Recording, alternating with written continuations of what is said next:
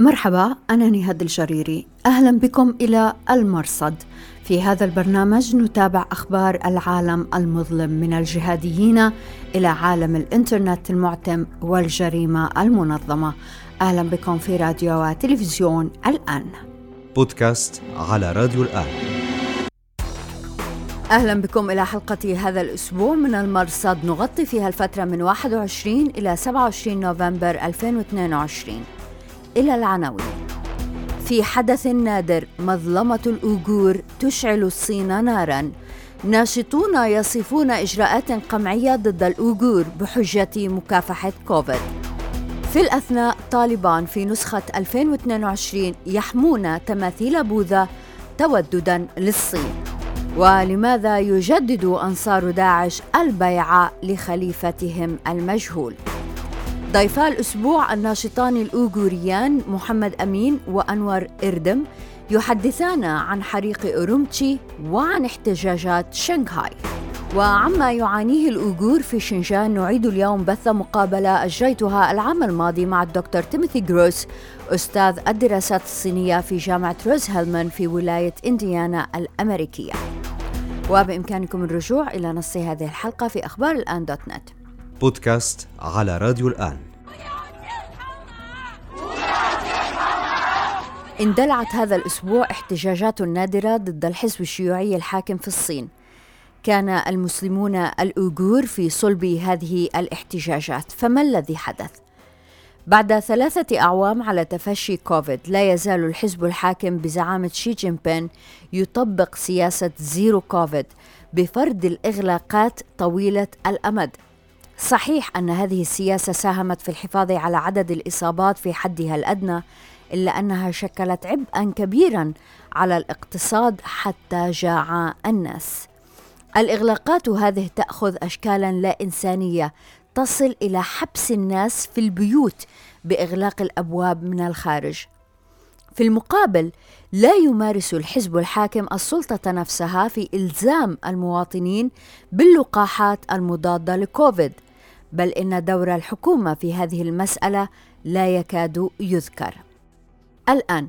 في مدينة أورومتشي عاصمة إقليم شينجان حيث يعيش الأوغور المسلمون الذين يجمعهم بالدولة الصينية تاريخ مضطرب اندلع حريق في برج سكني تسبب في وفاة عائلات بأكملها. كان ذلك يوم الخميس 24 نوفمبر. بودكاست على راديو الآن. الأوغور في المدينة التي حبس أهلها في المنازل منذ مئة يوم تقريبا ألقوا باللائمة على السلطات وقالوا إنها تأخرت في الاستجابة للحدث بسبب سياسة zero COVID. اندلعت احتجاجات في شينجيانغ وسرعان ما انتقلت الاحتجاجات إلى مدن كبرى في الصين أبرزها شنغهاي. وتحديدا في شارع يحمل اسم وولوموتشي وهو الاسم الصيني لرومتشي. اللافت أن المحتجين أطلقوا شعارات يطالبون فيها بإسقاط الحزب الحاكم وزعيمه شي جين بين وهذه أيام نادرة في الصين تذكر بثورة تياننمن في 89 عالم اللغة الأوغوري عبد الولي أيوب وصف ما يحدث بأنه نار سوف تخفف من سطوة النظام الصيني الفاشي حتى لو لن تحرقه أو تحوله إلى رمد بودكاست على راديو الآن. عن أحداث شنجان تحدثت إلى الناشطين الأوغوريين محمد أمين ويسكن في تركيا وأنور إردم ويسكن في هولندا. محمد أولا. منذ ثلاثة أسابيع مدينة أورومتشي العاصمة أغلقت تماما من كل. يعني من كل الأطراف. وحتى يعني أبواب الشقق أبواب الشقق أقفلت من الخارج. وحتى يعني ألصقت بعض الحذر حتى لا يفتح أشخاص من الداخل. يعني أغلقتها بالكامل السلطات الشيوعية. فمن ثم يعني الناس يعني انقطعت من الغذاء انقطعت من ال... يعني مما يكفي من العيش. هكذا. انتشرت في مواقع التواصل الاجتماعي وخاصة تيك توك في تركستان. ونشر الناس أن لا يوجد لديهم ما يأكل من الغذاء ولا يوجد لديهم الأشياء ملازمة معيشية لكن يا محمد أليست هذه إجراءات تطبق في أنحاء مختلفة من الصين؟ في مناطق الصين في داخل الصين لا يوجد يعني هكذا يعني الحجر الصحي لم يكن هكذا. وإذا كان هكذا آه، هنا بلغت سلطات يعني المواد الغذائية إلى بيوتهم وفرت كل شيء ما ما يؤكل. لكن في تركستان الشرقية تختلف تماما هذه الأمور. آه، لا يوجد غذاء ولا يوجد دواء ولا يوجد ما يكفي بطونهم ومعيشتهم هكذا. فقتلت هنا يعني كثير من العدد من السكان هنا وثائق حتى تقارير موجودة. يعني لدينا دلائل تقارير موجودة في هذه الأمور. اكتشفت من الضحايا من ضمن ضحايا هذه الحادثة أسرة أبوها في المعتقل أبوها في السجن وإبنان ابن وبنت آه الذي عمرهم 18 و20 هؤلاء في تركيا يدرسان. الآن أم مع طفلتيها عائشة والنهدية قتلت بهذه الحريقة واكتشفت أن الباب باب الشقة أقفلت من الخارج من قبل السلطات حتى لم تستطيعوا الهروب حتى لم يتمكنوا من الهروب من هذه الحريق من هذه الحادثة. وبقية الشقق بقية الشقق كلها مخفولة من من الخارج. لم يأتي سلطات ليفتح هذا الباب ولم يأتي فريق الإطفاء إلا بعد أن قتل أو استشهد هؤلاء يعني أصحاب الشقق. كان هذا الناشط الأوغوري محمد أمين. سألت أنور إردم في هولندا عما تعنيه لهم احتجاجات شنغهاي.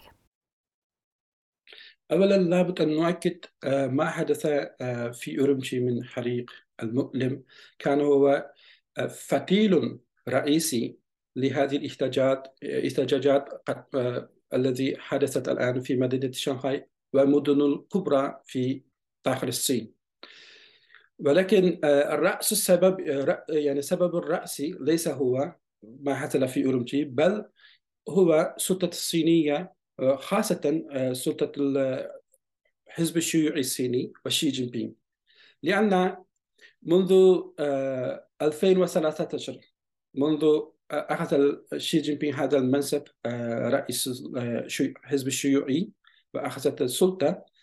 هو فرضت مقارب هو فرضت مراقبة الصارمة على حرية التعبير. هذا هو أول. ثانيا تطهير تطهير القوات المعادية كلها. وثالثا آه لما حصلت هذه الكوفيد منذ 2020 اولا هم أخذوا كل كل من يتكلم في هذا من الأطباء الذي كشفوا أن هناك يوجد وباء اخذوهم إلى السجن باسم التشويش انتشار التشويش بين الناس. ولكن لما قتلوا كثير من الناس آه، وانتشر في كل البلدان بعد ذلك سجنوا كل الناس في بيوتهم لعدة شهور. في هذه السنة آه، شي جين بينغ جلست على كرسي السلطة مرة ثالثة وهذا كان لم يحدث من قبل لم يحصل أي رئيس آه، رئيس الصين جلس على هذا الكرسي ثلاث مرات. بعد ما وقع هذه الحريق في أورمشي الناس أخذوا هذا الفتيل وخرجوا على الشوارع و آه، آه، يعني قاموا بإحتجاجات ضد الشيوع الصيني ضد الحزب الشيوعي وشي جين بينغ حتى تقول حتى يقولون إسقاط الحزب الشيوعي وشي جين بينغ هذا نعم كان لم يحدث منذ 30 سنة. بودكاست على راديو الآن.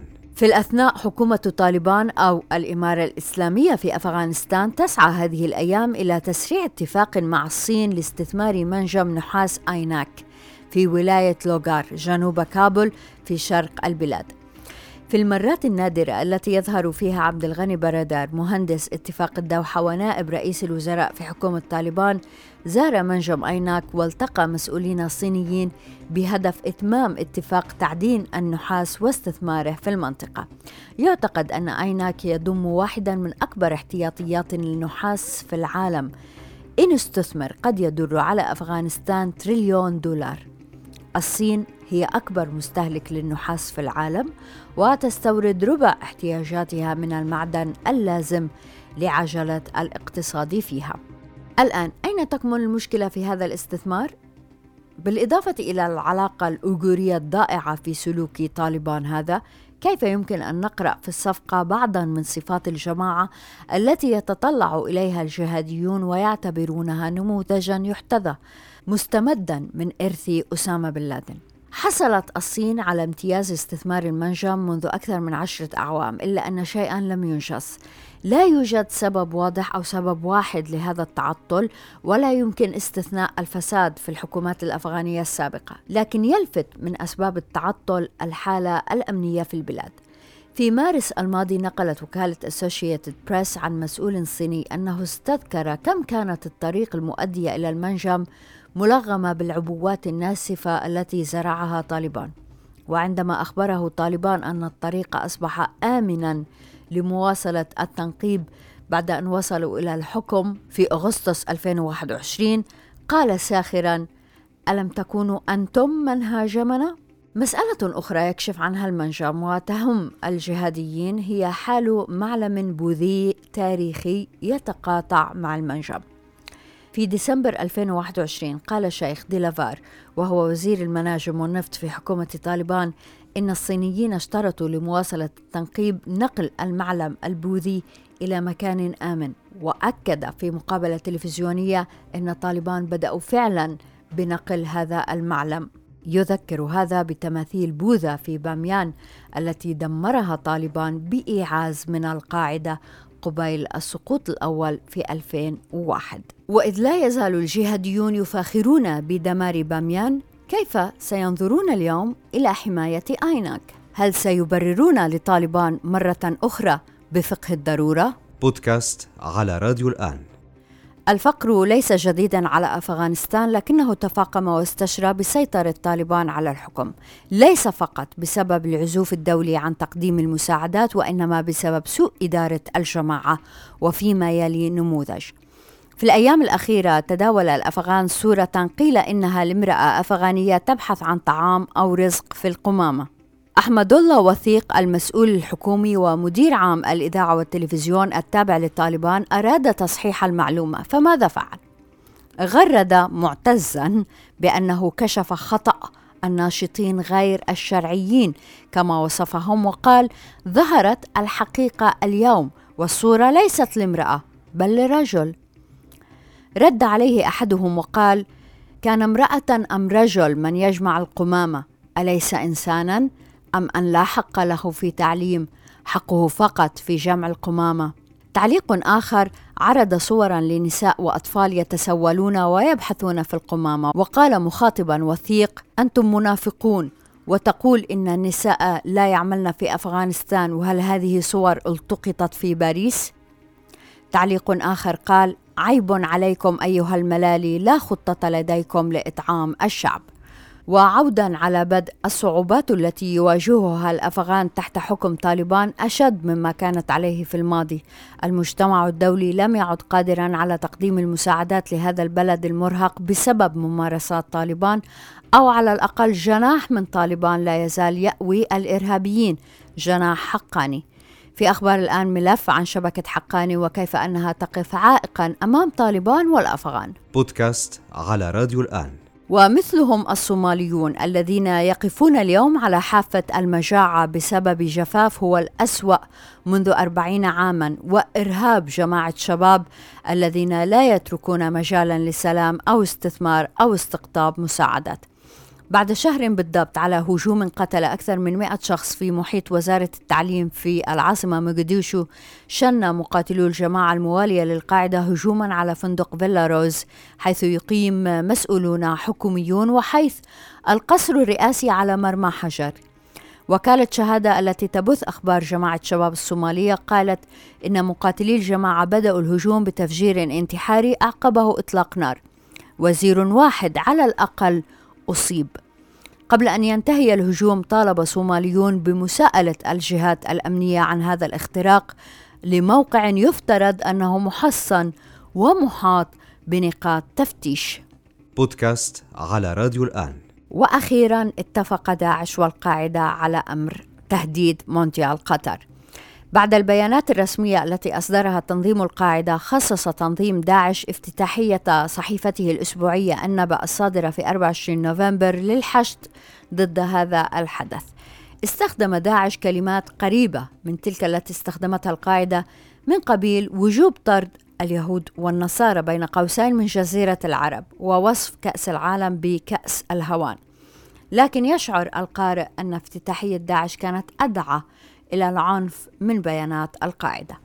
في الأثناء احتفى أنصار القاعدة في اليمن بتخريب اللوحات الإعلانية التي تتضمن أخبارا عن كأس العالم بحسب ما نقل حساب أخبار الآن اليمن على التليجرام. بودكاست على راديو الآن. قالت حسابات معارضة لهيئة تحرير الشام في إدلب إن منفذة تفجير تقسيم في تركيا هي شقيقة قائد في فرقة السلطان سليمان شاه والتي تعرف محليا بالعمشات. وقالت هذه الحسابات إن العمشات ينسقون مع هيئة تحرير الشام. حساب أس الصراع في الشام المخضرم. أكد أن الرجل المعني يعمل في فصيل العمشات واسمه محمد بشير والمسؤول عنه اسمه أبو فياض الحديدي أحد قادة أبو عمشة. وأضاف أن شقيق منفذة التفجير كان سابقا مع داعش في بلدة الخفسة ثم انضم لفصيل العمشات. بودكاست على راديو الآن. ذكر حساب فضع عباد البغدادي والهاشمي أن أنصار داعش أطلقوا حملة لتجديد البيعات لخليفتهم المجهول. يلفت الحساب إلى أن آخر مرة أطلقت حملة مماثلة كانت عندما أفرج عن وثائق اعترافات أدلى بها عبد الله قرداش الخليفة المزعوم السابق وهو في سجن بوكا في العراق وفيها وشى بعناصر التنظيم في الموصل. وعليه يتوقع الحساب أن الدافع وراء هذه الحملة الجديدة هو كارثة جديدة عصفت بالتنظيم من الداخل. قام على هذه الحملة حساب من أهم مناصري داعش ومعروف باسم صوت الزرقاوي.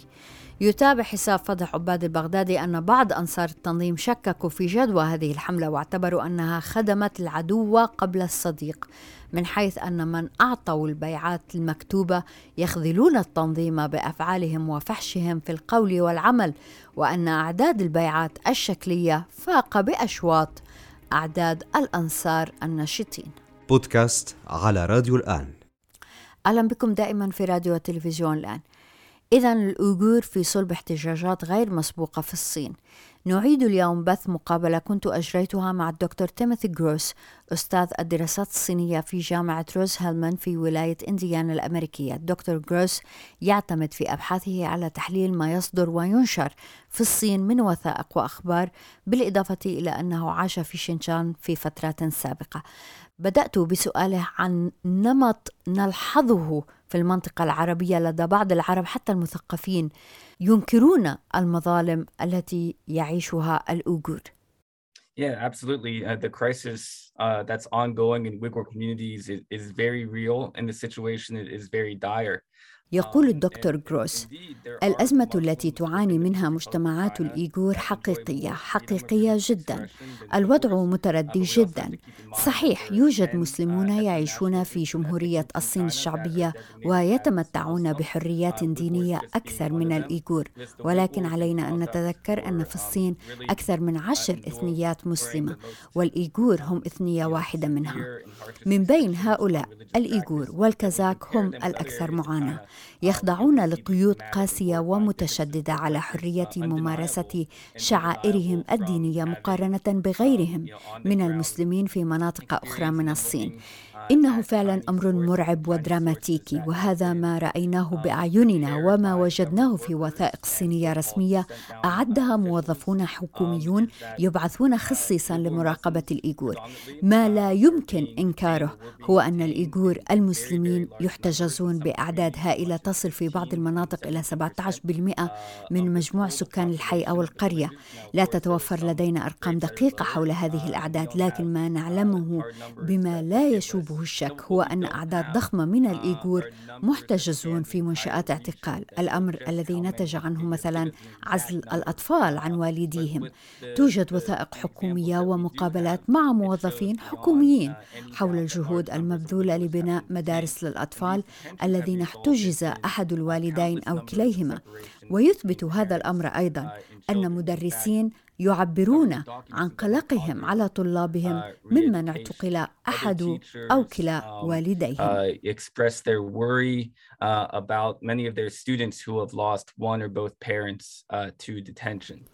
دكتور جروس أنا كنت موجودة في الصين في شنشان في صيف 2019 والحقيقة كسائح وأنا كنت موجودة كسائحة. لا ترى أي شيء من هذا الكلام. ترى الأمور طبيعية بالعكس يعني الحياة جميلة في أورومتشي وغيرها من المدن. ترى أمور عادية تمر بشكل عابر في الشارع لكن تختلف الأمور عندما تقرر أن تسأل عن مسائل لا يسأل عنها السائح بشكل عام. تسأل عن المسجد تسأل عن الحريات الشخصية مثلا تحاول أن تحصل على إجابات. الآن أنت قريب من المجتمع الإيغوري من لغته وثقافته وأكلاته وحتى أغاني الزفاف ومن إقامتك في شنشان هل يمكن أن تعطينا أمثلة رأيتها أنت بأم عينك على هذه المأساة؟ Yeah, certainly. Um, and again, you know, if you're a, a casual observer uh, in, in Xinjiang, uh, and your first visit was perhaps 2018 or 2019, uh, you wouldn't know what to look for. يقول الدكتور جروس إذا زار المرء المنطقة لأول مرة في 2018 أو 2019 فلن يدرك عما يبحث ولن يستطيع أن يوثق التحولات الجذرية التي بدأت منذ 2017 ولا تزال جارية.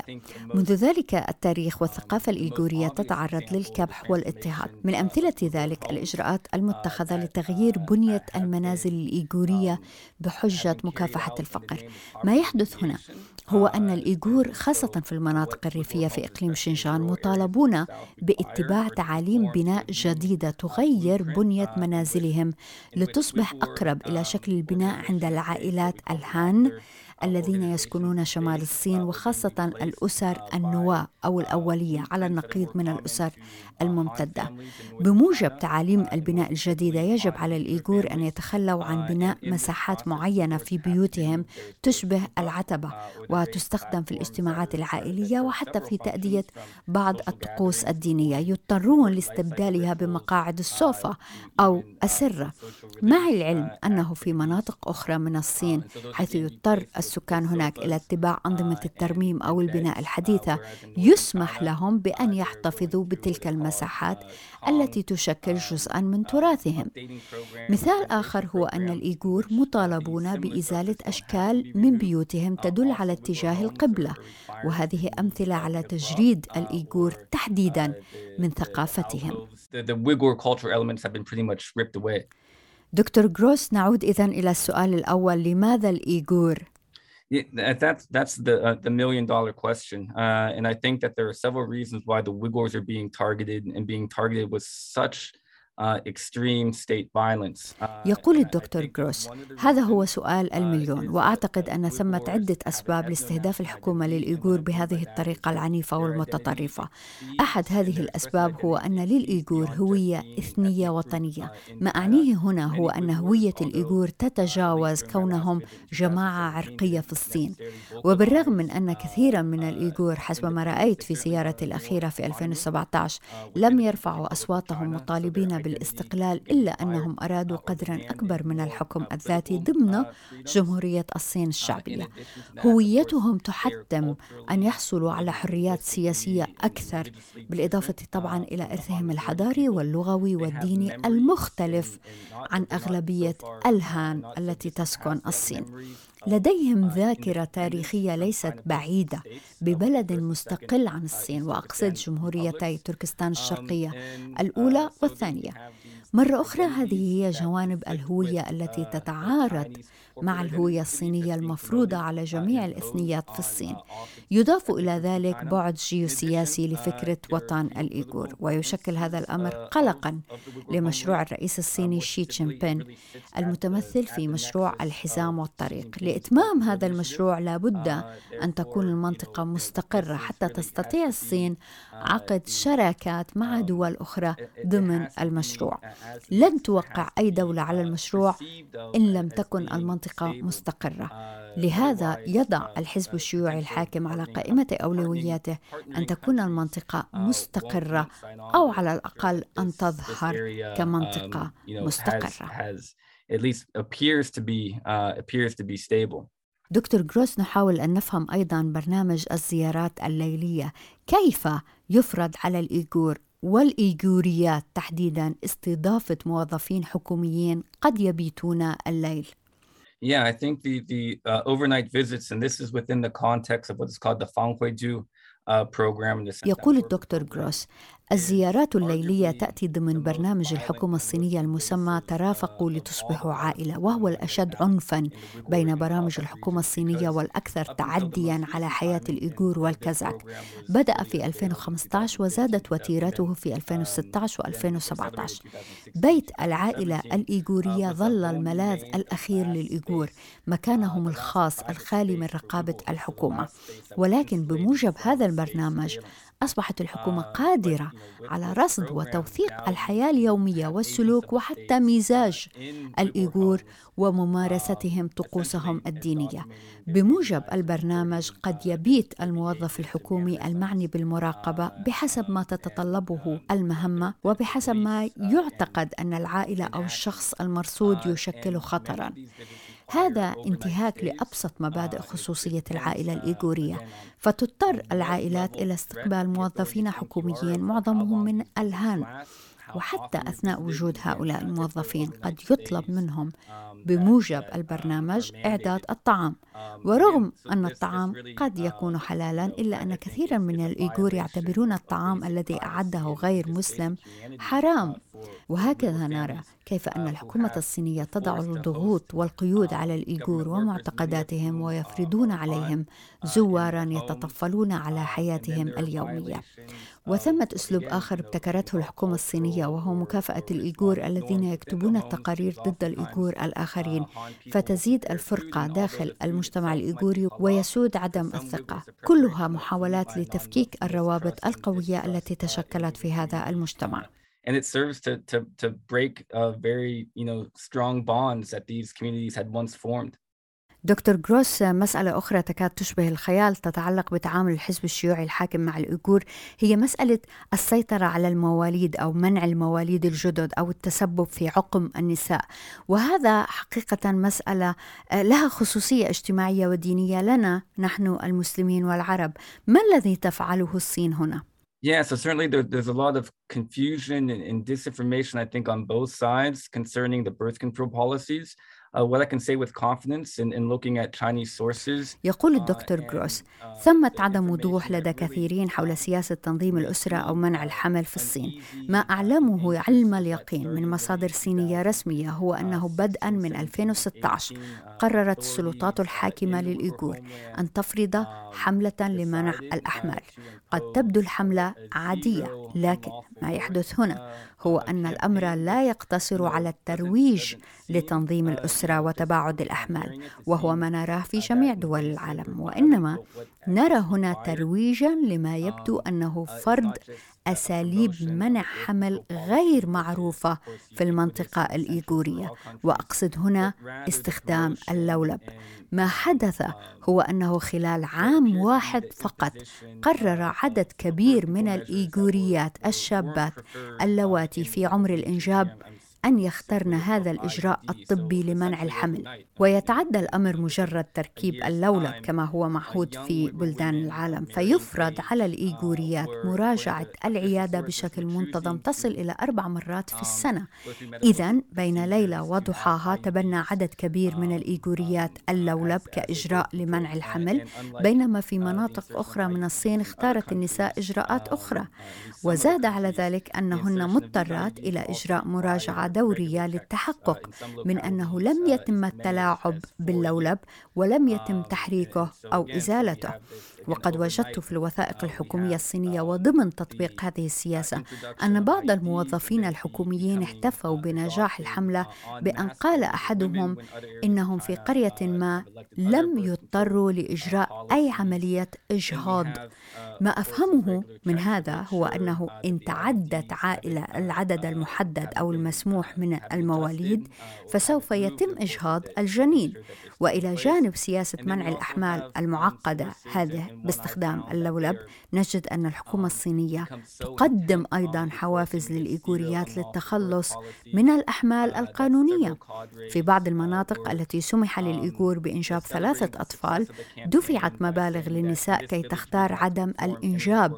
كل هذه محاولات للتقليل من المواليد بين الإيغور.